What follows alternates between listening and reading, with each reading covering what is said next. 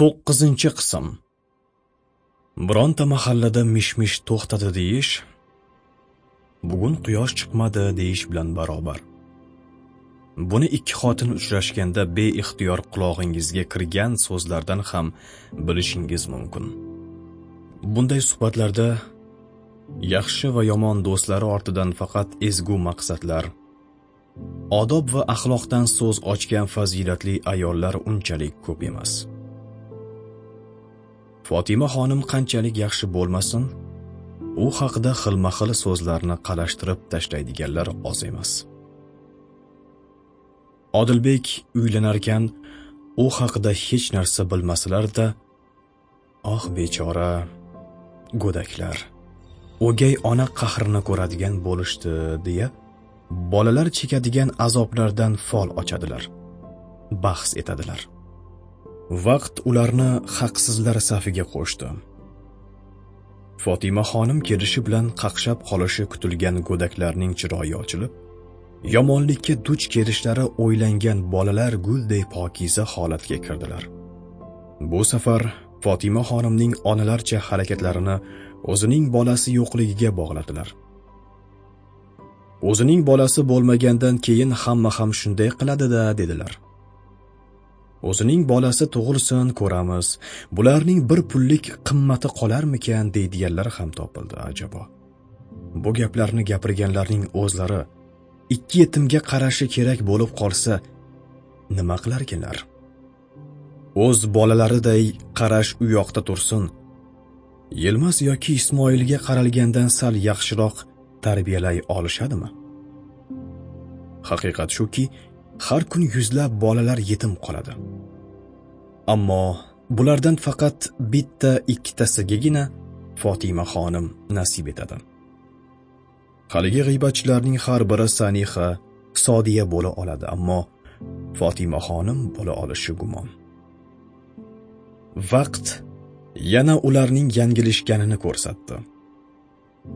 Samiha tug'ilgandan keyin ham husayn va odilaning ahvollari o'zgarmadi. Hatto odilaning uch oylik samihaga no'xat yetirmoqchi bo'lgani va tomog'iga tiqilgani to'g'risidagi hodisani hech kim loaqal odilbek ham eshitmadi. Fotima xonim matonat ko'rsatdi. Sabr qildi. Birovlar eshitishning hech qanaqa foydasi yo'q edi. Qo'lida o'z bolasi bo'lishiga qaramasdan fotima xonim husaynni ikkinchi sinfga ham avvalgiday pokiza holda jo'natardi. U fazilat yo'lida yuksalardi.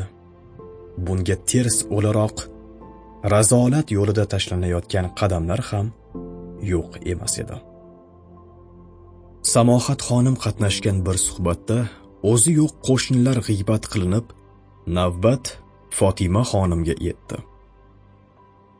Fotima xonimning ishlari boshdan oyoq riyokorlik emish o'zini ko'rsatish uchungina bolalarga yaxshi qararmish. Bunday ichi sirti bilan tili dili bilan so'zi ishi bilan bir bo'lmagan kimsalar aslida juda xavfli ekanlar.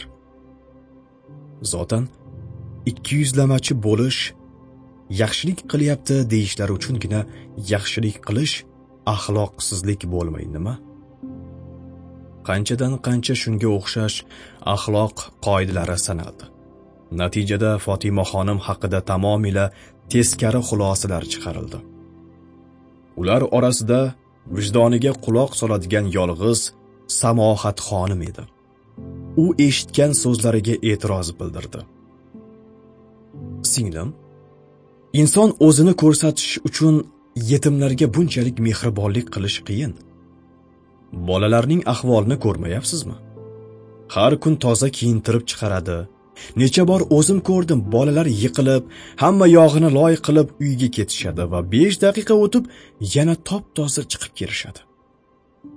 Mayli bizga hamma amallari sezilmasin ham deylik lekin qo'shnilar bu xonimning bolalarga baqirib chaqirganini qarg'aganini eshitishlari kerak-ku.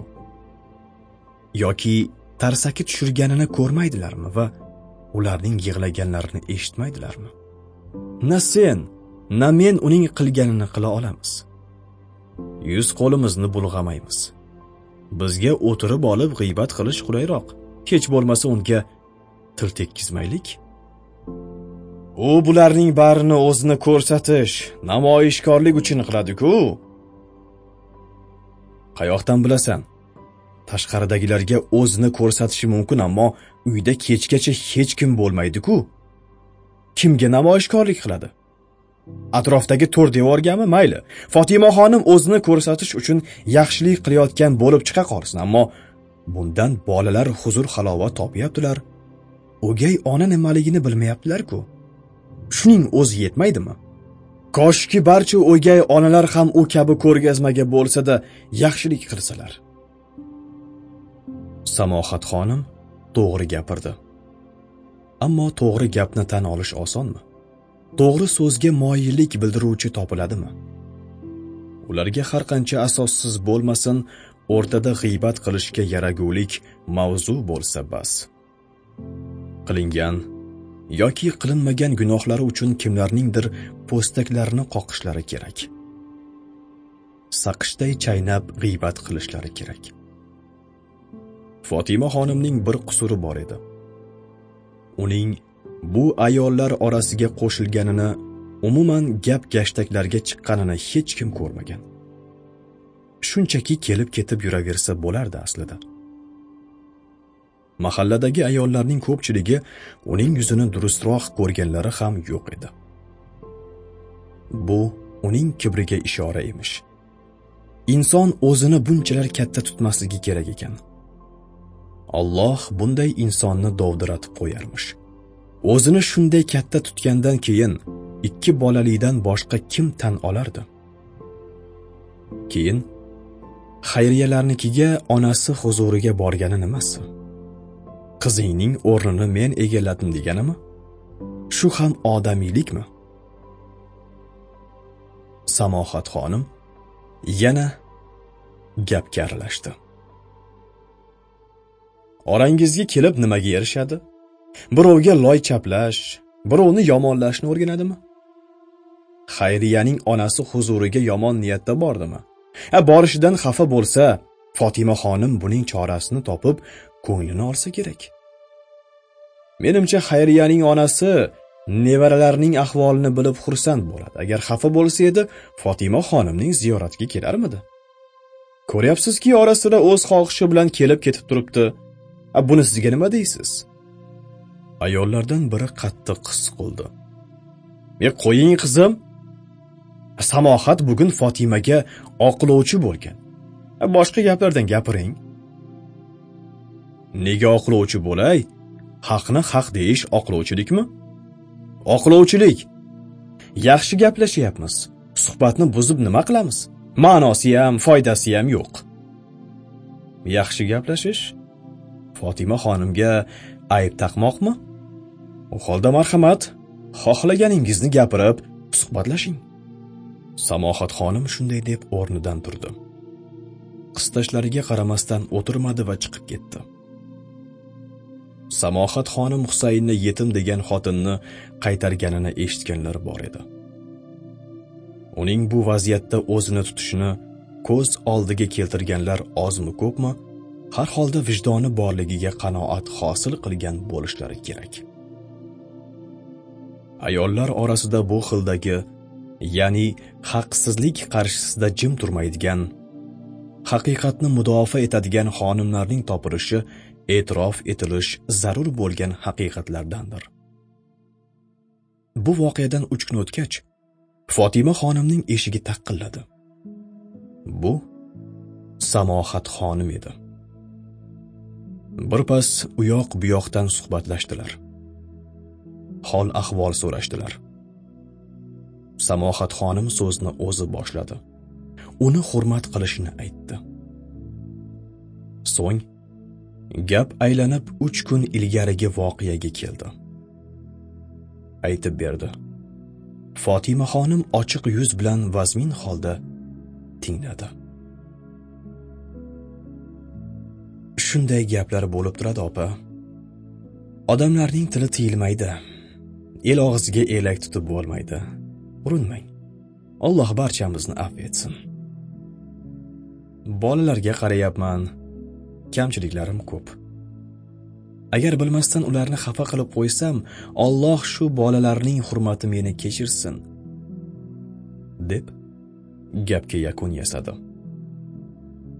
fotima xonim behuda og'iz og'ritadiganlardan emas edi. O'zi haqidagi g'iybatni berilib tinglashni xush ko'rmasdi.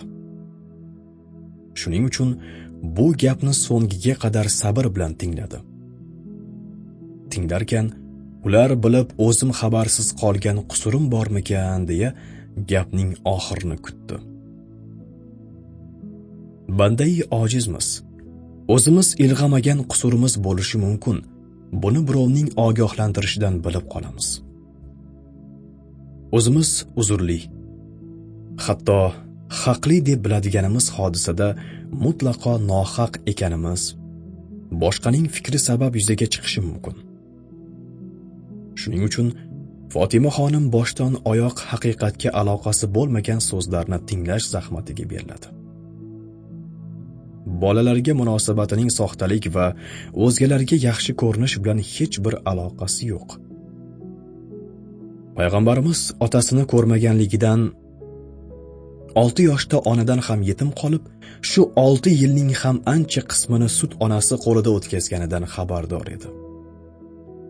U zot hurmati uchun yetimga onalik qilish shafoatga sazovor etishini hatto jannatda payg'ambarga juda yaqin qo'shni bo'lishiga olib kelishini bilardi. Shunday umid bilan bolalarni bag'riga olgandi. Kibr qilmoq uning axloqidan emas edi. Qo'lidagi ikki yetim hurmati uchun Allohdan istig'for tilagan bolalarni najotga sababchi deb bilgan ayolda kibr ne qilsin?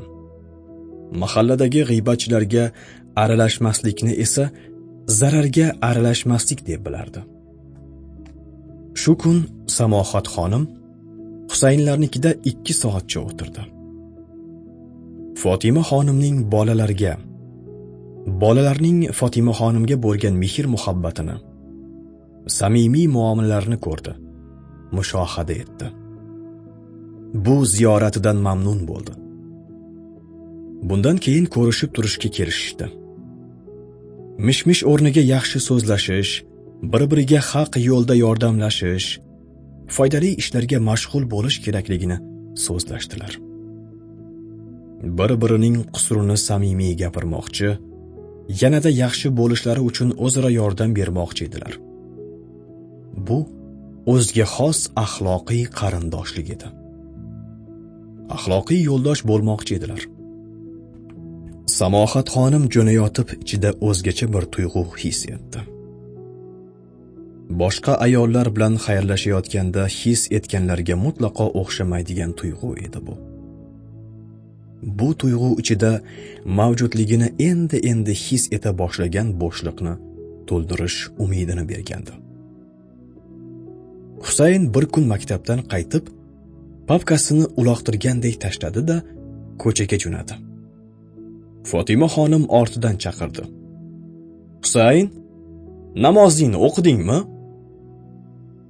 Yo'q ona kelib o'qiyman. Bo'lmaydi hozir o'qiysan. Husayn qocha boshladi. Qochsang tutib olib kaltaklayman husayn. Deyishiga qaramasdan eshikdan chiqib juftakni rostlab qoldi. Husayn ikki oy avval namoz o'qishni boshlagandi. Fotima xonim kechalari yotarkan ularga namoz suralarini o'qitardi. Ora sira yoniga o'tqizib namoz o'qishni o'rgatardi. Bir kun fotima xonim husayn uchun ham bir joy namoz to'shadi. Husayn onasi barobar yotib tura boshladi. Keyinroq har kim o'z o'zicha o'qib ketdi. Bugun maktabdan qaytayotib do'stlari bilan o'ynamoqqa kelishgan edilar. So'zining ustidan chiqish uchun onasiga quloq solmay qochib qoldi. Oradan 10 daqiqacha o'tib eshik taqilladi fotima xonim eshikni ochdi-yu hushi boshidan uchdi. Rangi bo'zday oqardi. Ikki o'rtog'i husaynning qo'ltig'idan suyab turardi. Boshidan oqqan qon yuz ko'zini qizil rangga bo'yagan. Do'stlari nima deganini hatto eshitmadi. Yarasini artdi tozaladi malham surdi va bog'lab husaynni yotqizdi. Ko'p qon ketganidan va qo'rquvdan husaynning yuzi sarg'ayib qolgandi. Yoniga o'tirib sochlarini mehr bilan silab tuzatayotgan fotima xonimga qaradi. Sizga quloq solmaganimdan bo'lmadimi bu ona? Kechirasizmi? Kechirdim o'g'lim. Lekin boshqa bunday qilma. Kechasi husayn istimaladi ba'zan ko'zi ochiq alahsiraydi fotima xonim tunni uning yonida o'tkazdi. Bir narsa kerak bo'lsa so'rashni tayinladi. Ko'zi ilingan ekan husayn g'udrandi. Ona suv fotima xonim uyg'ondi. Turib suv keltirdi. Husayn uxlab qolgandi. Husayn husayn suv so'rovding o'g'lim. Husayn suv ichdi. Fotima xonim to'shagiga keldi. Uxlamoqchi bo'ldi. Ona. Turdi. Tungi chiroq nurida husaynni aniq ko'rib turardi. Uyg'oq emasdi. Demak alahsiramoqda. Yana o'rniga yotdi. U kechani qanday o'tkazdi qancha uxladi qancha uxlamadi bilmaydi. Tongda ko'zlaridagi mudroq boshidagi og'irlikdan hech uxlamaganday holda ekanini his etdi. Yotib turaverish holdan toydirgandi. Husaynning issig'i tongga yaqin biroz tushib uxlab qoldi. Tushga yaqin uyg'onib yonida onasi o'tirganini ko'rdi. Ona soat nechi bo'ldi? O'n bir bo'lyapti o'g'lim. Vaqt o'tibdi. Maktabga bormaymanmi? Bugun yot. Ertaga borasan o'g'lim. Otang maktabga uchrab xastaligingni aytmoqchi edi. O'qituvchim xafa bo'lsachi. Kasalligingni eshitsa nega xafa bo'ladi o'g'lim? Ammo onasining aytganini qilmagani uchun tobi qochibdi deb eshitsa albatta xafa bo'ladi. Inshaalloh ertagacha tuzalib ketasan. Fotima xonim husaynga dars tayyorlashda yordam berishdan charchamasdi. O'zining ham ancha muncha yumushlari bor edi. Shu orada namozlarini o'qir so'ng hayotida juda ham kam tark etgan odatga aylanib qolgan qur'on tilovati bilan mashg'ul bo'lar. Uyini supurib sidirib orasta qilib qo'yar. Ortib qolgan vaqtida husaynning darslariga yordamlashardi. Ba'zan u bilan birga boshlang'ich sinfdan esida turgan bilimlari yordamida matematika darsiga kirishar ba'zan adabiyotdan ko'mak berar va husaynni o'qilgan har parchadan saboq olishga xulosa chiqarishga axloqiy bilim qozonishga o'rgatardi. Masalan o'qish kitobidagi ot arava bilan toshbaqaga ozor bergan bola to'g'risidagi hikoyaga husayn berilib ketardi. Bir bola toshbaqaga turli xil azob va aziyatlar yetkazadi va oxirida yo'ldan o'tayotgan aravaning g'ildiragi ostiga qo'yadi. Qari cho'bir ot bir hayvon bu toshbaqani ezmaslik uchun yo'lini o'zgartirib zolim bolaga menday ham bo'lmading-a deganday qarab o'tadi. Bu hikoya uni o'yga toldirardi. Demak inson hayvondan ham past ketishi tuban tushishi mumkin ekan. Qanchalar ayanchli a ona? Hatto cho'bir ot ham achindi bu toshbaqaga. Seningcha bola yaxshilik qildimi yoki hayvon husayn? Hayvon yaxshi ish qildi ona. Senga yana bir savol. Shu bola bilan cho'bir yonma yon tursa qaysi go'zalroq ko'rinadi? Ya'ni bola chiroylimi yoki hayvon? Bola go'zalroq. Yaxshi. Endi aytchi inson bahosi nima bilan belgilanadi? Chiroyi bilanmi yoki qilgan ishi harakati bilanmi? Hmm, qilgan harakatlari ishlari bilan o'lchanishi kerakmasmi ona? Albatta o'g'lim. Qara. Bu bola hayvondan chiroyli. Biroq hayvon undan ko'ra yaxshi ish qilyapti. Demak inson ba'zan qilgan bitta axloqsizligi bilan o'zini yerga uradi. O'zini hayvondan ham past holga tushirib qo'yadi. O'qish kitobida bir she'r bor. Bu she'rning ustki qismida rasm berilgan bo'lib unda yo'lda ketayotgan odam va yo'lning chap tomonida do'mpayib turgan kichik tepacha aks etgan. She'r rasmdagi yo'lovchiga xitoban bitilgan. Go'yo kimdir g'oyibdan yo'lovchiga xitob qilayotgandek. Yo'lovchi ham bu sasga quloq tutgan va yonidan bexabar o'tib ketayotgan tepachaga e'tibor bergandi. To'xta yo'lchi bilmay qadaming qo'yib turganing yer bir davr botgan makondir.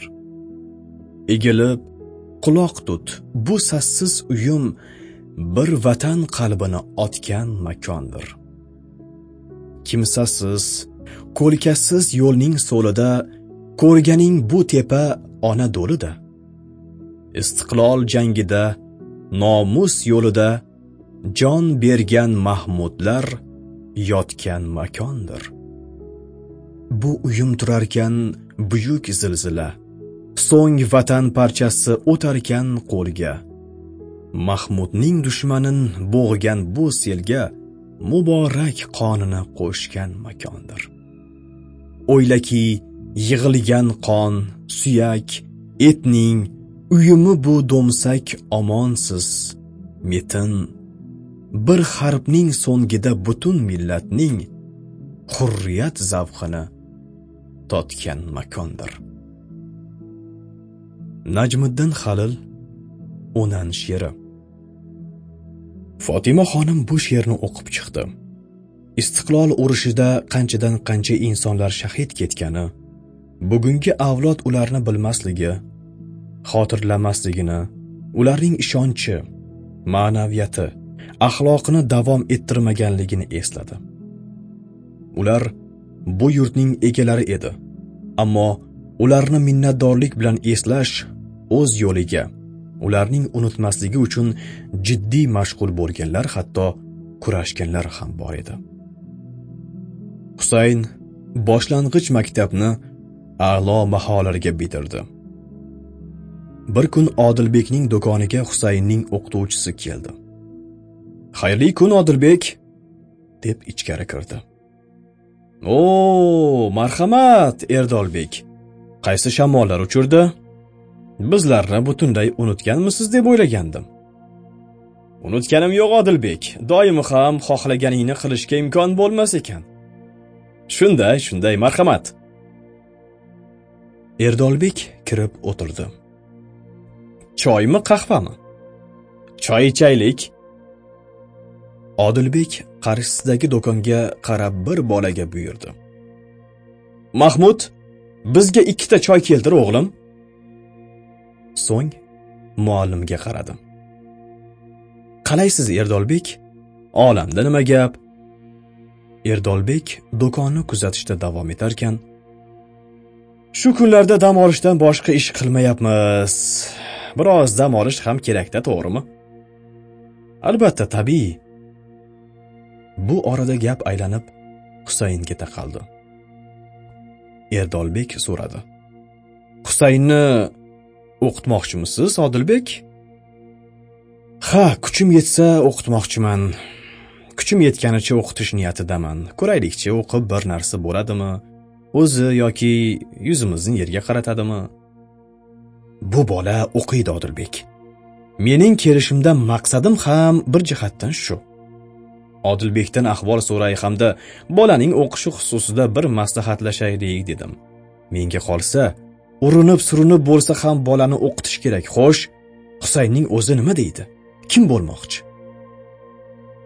Hozircha bir nima degani yo'q. Men ham bir aniq qarorga kelgan emasman.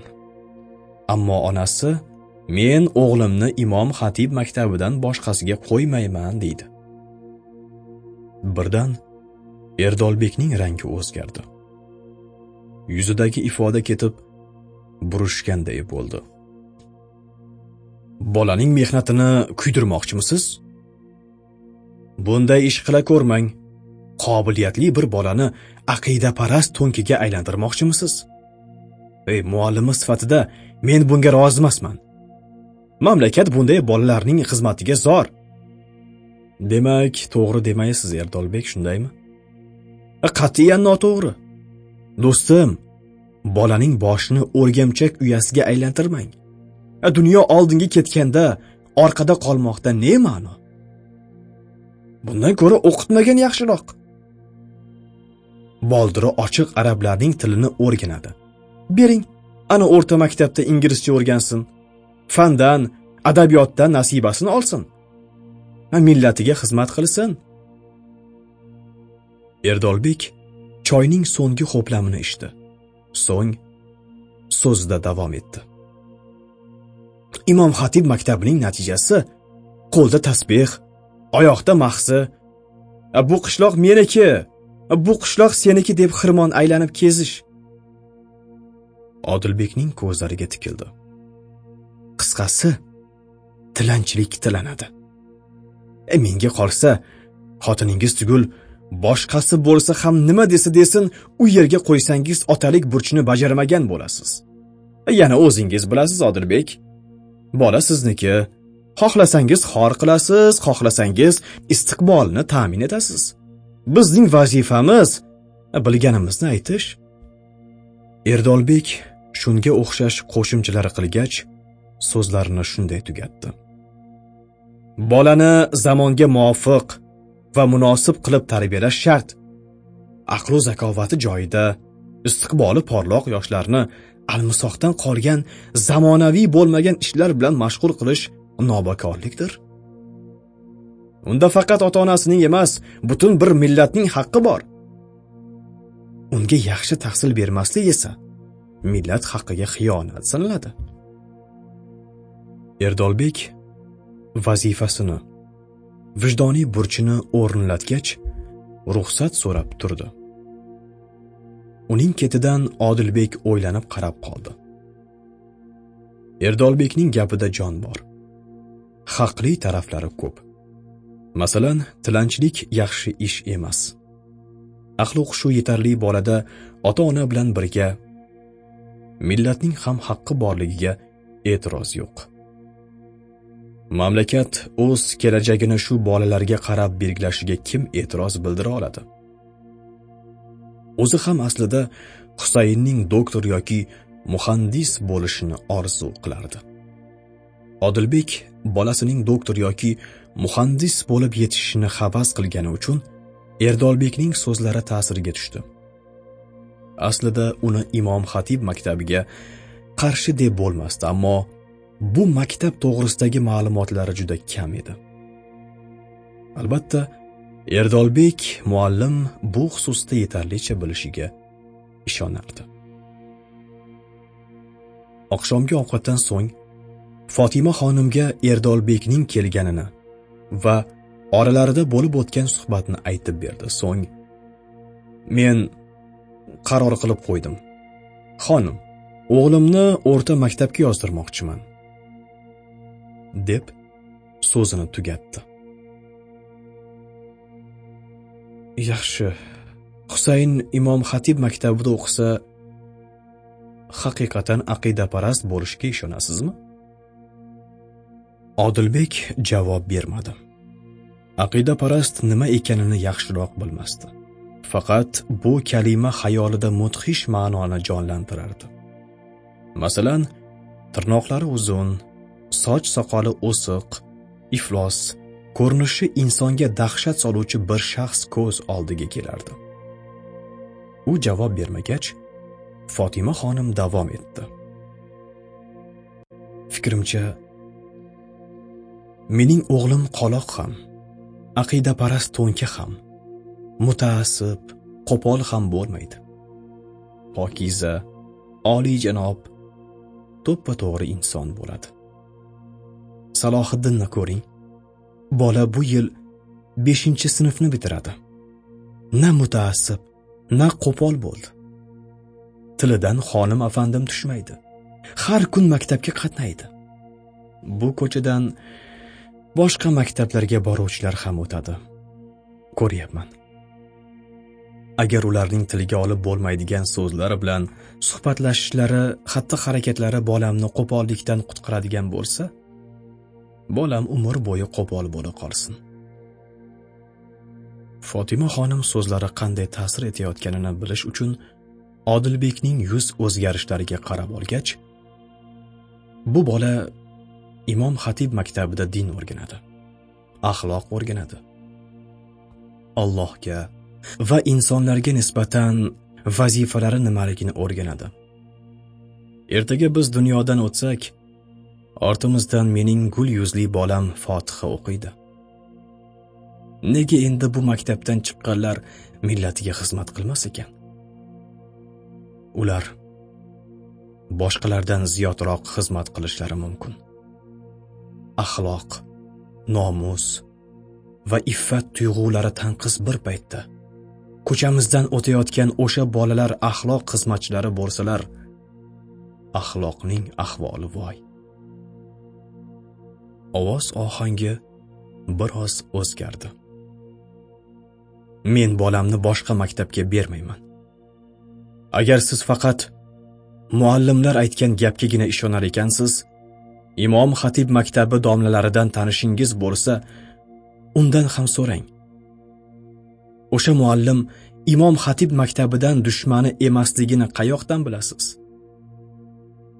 Odilbek fotima xonimning bu talabiga istar istamas rozi bo'ldi. Fotima xonim esli hushli ayol ammo erdolbek shu sohaning odami. To'g'risi tilanchilarni tayyorlaydigan maktabga bolasini yuborishga ko'ngli chopmayotgandi. Muallim haq edi. Cho'lda yashagan bugungi madaniy dunyoda o'rinlari bo'lmagan arablarning tilini o'rganish uchun vaqt sarflash behuda va ma'nosizday tuyulardi. Husaynning qaysi maktabga borish masalasini bir kechada hal qilish judayam shart emasdi. Bunga hali vaqt bor. Bir bolaning kelajagi bir kechadayoq hal bo'ladigan oddiy masala emas.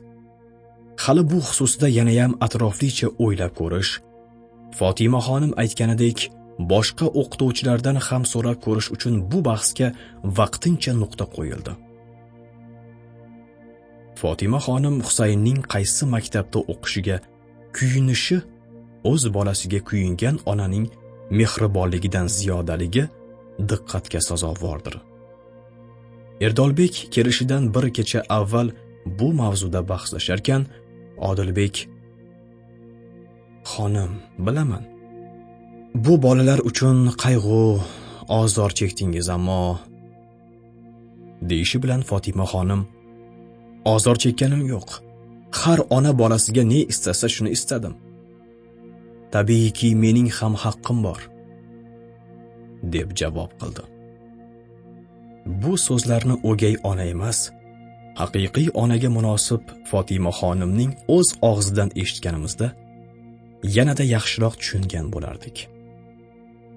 Menga nima? O'zining o'g'li ne istasa shuni qilsin deyishi mumkin edi hatto o'qitmaslikka chora izlab yo'liga g'ov bo'lardi. Faqat uning bu tiynatda emasligi yillar davom etgan o'gaylik o'zlik imtihoni natijasida ma'lum bo'lgan.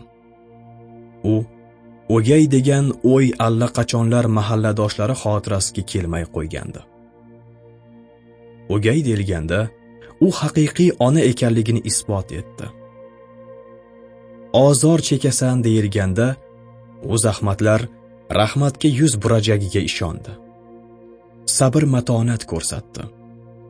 Unashtirilgan kunlarda hamma bunday turmushdan qaytarmoqchi bo'lgan paytlarda qizim insonlik sharafi yaxshi qaror qabul qilishgina emas balki aziyatlarga sabr qilib o'sha qarorda sobit turmoq va davom ettirmoqdadir degan ayol nasihatiga munosib muvofiq harakat etdi.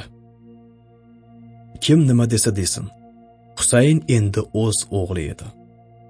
Unda bir onaning o'z o'g'liga bo'lgan haqqi qadar haqqi bor edi bu haq yaxshiliklarni yuzga solish kimlargadir aytib yurish ma'nosida emas, balki unga to'g'ri yo'lni ko'rsatish va yo'llash ma'nosidagi haqdir.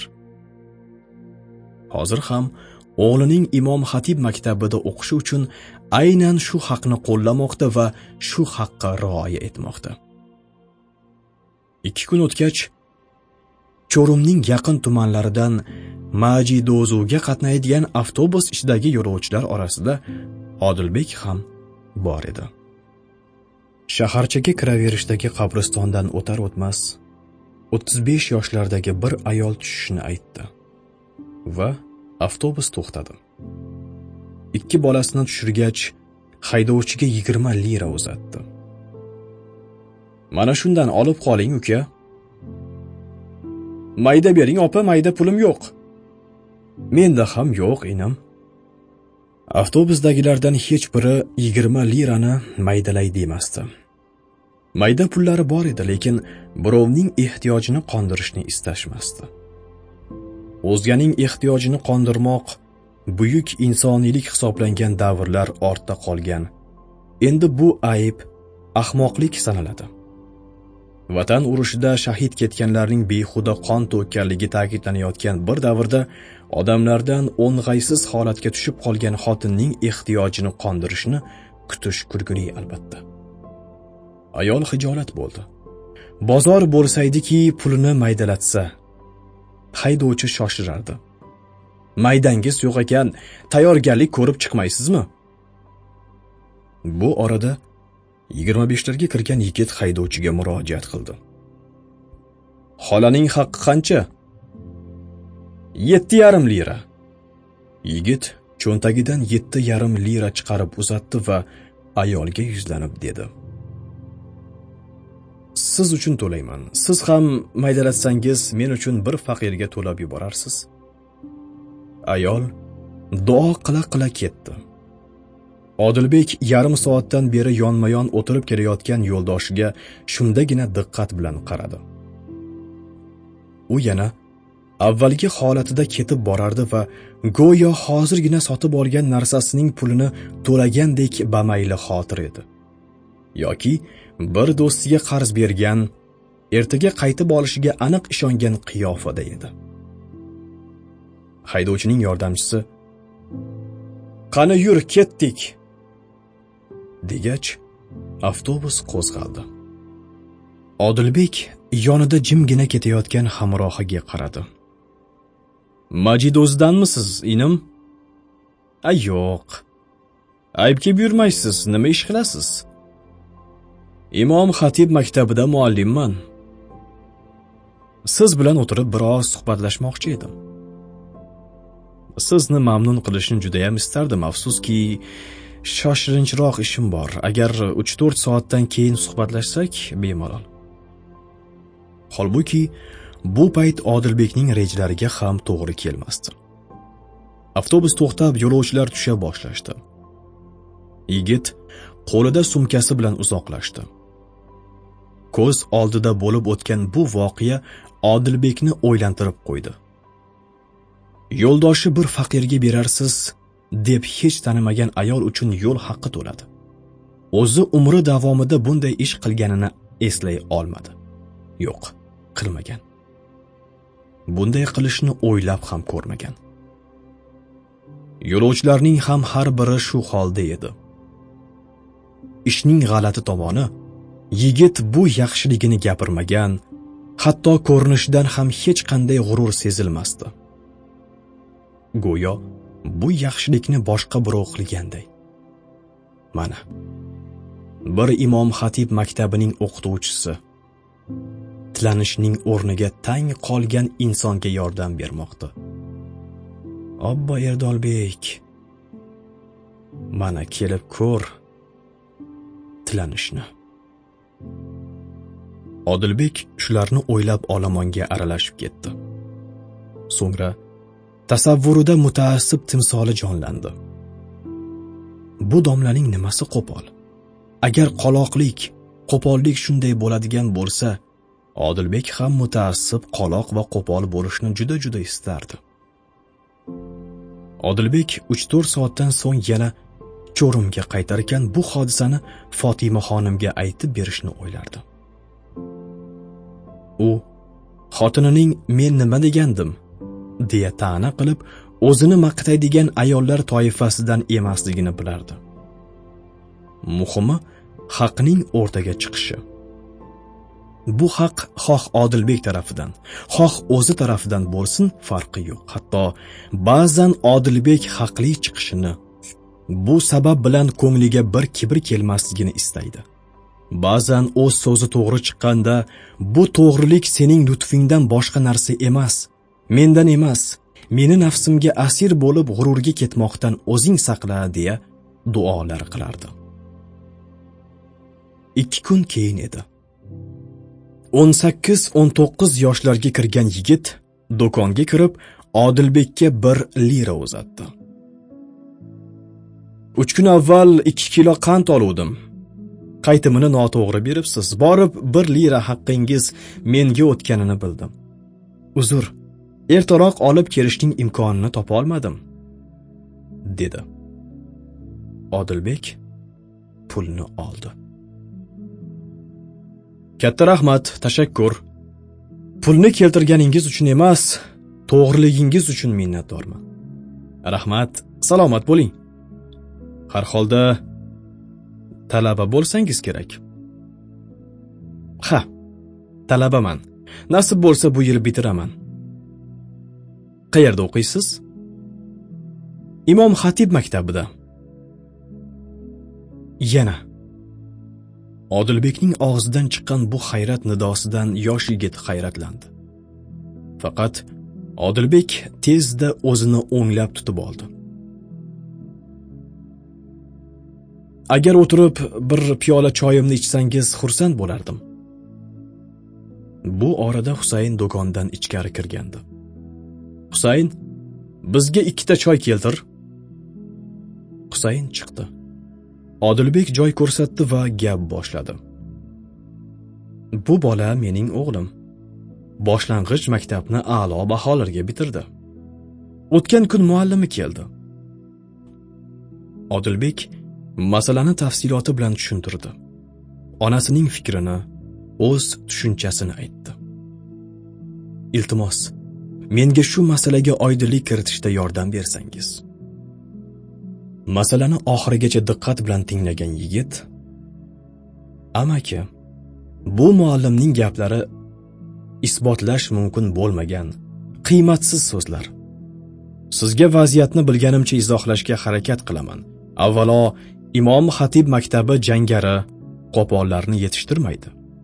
Dinli, iymon e'tiqodli, axloqli bir inson bo'lish bilan jangarlik orasida qanday aloqa bor? O'g'lingiz u yerda ota-onaga hurmat, qarindosh urug'ga, hamsoya haq, qo'ni qo'shni, mahalla kuyiga yaxshilik va xalqqa xizmat qilish fazilatlarini o'rganadi. Allohning amrlarini, payg'ambar ko'rsatgan to'g'ri yo'lni shu maktab orqali bilib oladi. Vaqtini oqshomlari yarim kechagacha qahvaxonalarda, qimorxonalarda sarflash o'rniga kitoblar ustida o'tkazish zavqini shu maktabda o'rganadi. ham Allohiga qul, ham millatiga xizmatchi bo'lmoq menimcha qoloqlik yoki jangarlik emas. Biz u yerda arablarning tilinigina o'qimaymiz. Arabchani o'rgansak, bundan murod Allohning kitobini yaxshi anglashdir. Payg'ambarimizning hadislarini o'z tilida o'rganmoqdir. Behayolikni qarang. Buni aytayotib, do'kon oldidan o'tayotgan erkak va ayol sayyohni ko'rsatdi. Erkakning sochi bir qarishdan uzun, bir-biriga qorishgan, yuvuqsiz kir holda. Tizzasidan bir qarich baland, kirligidan asl rangi bilinmaydigan shim. Yelkasida irganch to'rva. Oylab hammom yuzini ko'rmagani bir qarashda bilinadi. Ter va sho'r otib ketganini ta'riflash mushkul. Ayolning ham erkakdan qolishadigan jihati yo'q. Qisqasi egasiz hayvon bulardan tozaroq. Bularni ko'rganlar ko'ppaklarga rahmat deyishi shubhasiz. Orqasidan ularni tomosha qilib qilayotganlarga bee'tibor ilgarilayotgan bu janob va xonim afandiga Odilbek bir ko'z tashlab olgach mehmoniga qaradi. yigit so'zida davom etdi. Agar til shu tilda so'zlashganlarga o'xshash uchun o'rganiladigan bo'lsa bularning tilni o'rganishdan nima foyda bor? Inglizcha va fransuzcha bular bilan suhbatlashish uchun emas ularning ilmu fanini egallamoq uchun o'rganiladi. Demak arabchani ham insoniyatga abadul abad to'g'ri yo'l ko'rsatgan Alloh kitobi va payg'ambarimiz hadislarini o'rganmoq va o'rgatmoq uchun o'qiymiz. Qolaversa biz nega tilanchilik qilar ekanmiz? Biz ham ular kabi ma'muriyatga kiramiz ularday maosh olamiz faqat ularga o'xshab tirikchiligimizdan shikoyat etish o'rniga yanada yomonroq ahvolga tushmaganimiz uchun Allohga shukr aytamiz. Ha bugun imom va muazzinlarning maoshi idora xizmatchisinikidan ozroq. Boyvachilarning tamakiga sarflaydigan pulichalik maoshga sabr qilgan inson nafsiga qul bo'lmasa masalan pora olmasa har holda bu fazilatdan darak bo'lsa kerak. Imomdan 10 barobar ziyod maosh oladigan noyib bolalarimni boqishga pulim yo'q deb turganda imomning ahvolini tushunish mumkindir har holda. Bilim jihatidan ulardan past ekanimizni tan ololmayman. Imom xatib maktablar o'rtasidagi har yilgi munoziralarda mag'lub bo'lmasligi so'zimning bir dalilidir. Yigitchaning so'zlari odilbekka keragicha ta'sir ko'rsatdi. Bir necha kun ichida sodir bo'lgan bu ikki hodisa unga erdolbekning so'zlari haqiqatga qanchalik yaqin emasligini yaxshigina anglatdi. Odilbek ahmoq odam emasdi. Ko'z oldida ro'y bergan bu ikki hodisadan xulosa chiqara olishga qodir edi. Agar bu maktabning o'quvchilari tilamchi bo'lishsa nechun o'sha domla notanish ayolga men uchun bir faqirga berarsiz deb yetti yarim lira baxshida etdi nega bu azamat yigit odilbek adashib berib yuborgan bir lirani uch kundan so'ng qaytarib olib keldi? Nonning narxi ellik qurushga chiqqan kunlarda yetti yarim lira kichkina pul emas. Natija husayn imom xatib maktabiga yoziladigan bo'ldi. Fotima xonim husaynni yoniga o'tkazib qur'oni karim o'qimoqni o'rgatar kelajakda o'g'limga qulay va oson bo'lsin deb o'ylardi. Bir kun husayn uyga o'ychan holda keldi. Fotima xonim bir dona bolam nega o'ychansan bugun? Imom xatib maktabida dars ko'pmish ona. Sen u yerda o'qiy olmaysan deyishyapti. Boshqa maktablarning darslari oz emish. Nega ko'p bo'ladi bolam? Ular ham boshqa maktablaridagidek dars o'tishadi. Boshqalarday boshlab ularday tugatishadi. Ko'p bo'lsa yo ulardan oldinroq boshlashardi. Yo keyinroq tugatishardi. Bilmasdan gapirishadi o'g'lim. Agar sen onamning ko'ngli qolmasin desang bunday so'zlarga ishonma. Sen shu maktabga borasan. Bugun maktablar ochiladi. Husayn hayajonda. Azonlab onasi tayyorlagan nonushtadan chala chulpa yeb dasturxondan qo'zg'aldi. Yesangchi qo'zichog'im yeyolmadim ona. Bugun hayajondaman. Fotima xonim husaynning kiyimlarini o'z qo'li bilan tuzatdi. Sumkasini qo'liga tutqazdi. So'ng ro'parasiga o'tib unga qaradi. Endi o'n uchga kirgan ma'sum chehrali yetimiga bu ko'rinish juda yarashgandi. Rahmatli onasi ko'rsaydi qanchalar sevinardi deb o'yladi. Ona men ketdim. Qo'limni o'pmasdanmi o'g'lim? Husayn sumkasini qo'yib onasining qo'lini o'pdi. Fotima xonim uni quchib bag'riga bosdi. Mening oy yuzli bolam shafoatchi bo'lasan menga. Dunyodan o'tsam o'qib duo qilarsan farzandim. Shu kunlaringni ko'rsaydim. Shahodatni ko'tarib kelgan kuningga yetsaydim. Fotimaxonim so'zlarkan ko'zlarida paydo bo'lgan yoshlar ko'nglidagi samimiy sevinchdan boshqa narsa emasdi. Husaynning yuzlaridan bir bir o'pdi. Meni uyaltirma o'g'lim. Husayn sinfda qoldi degan gap bo'lmasin. Tinmay harakat qil. O'qi. Harakat qilaman ona. Husayn maktabga ketdi. Peshinda maktabdan qaytgan bolasini Fatima xonim boshlang'ich maktabda bo'lganidan ziyoda sevinch va katta hayajon bilan kutib oldi. Maktabini yaxshi ko'rishni aytganida yuzlaridan nur tomgan ona uni duolar qildi. Unga ikki dunyo saodatini parvardigordan so'radi. Husayn o'qishni shunday hislar bilan boshladi. Kunlar ularning ketidan oylar shunday tuyg'ular ichra kechdi.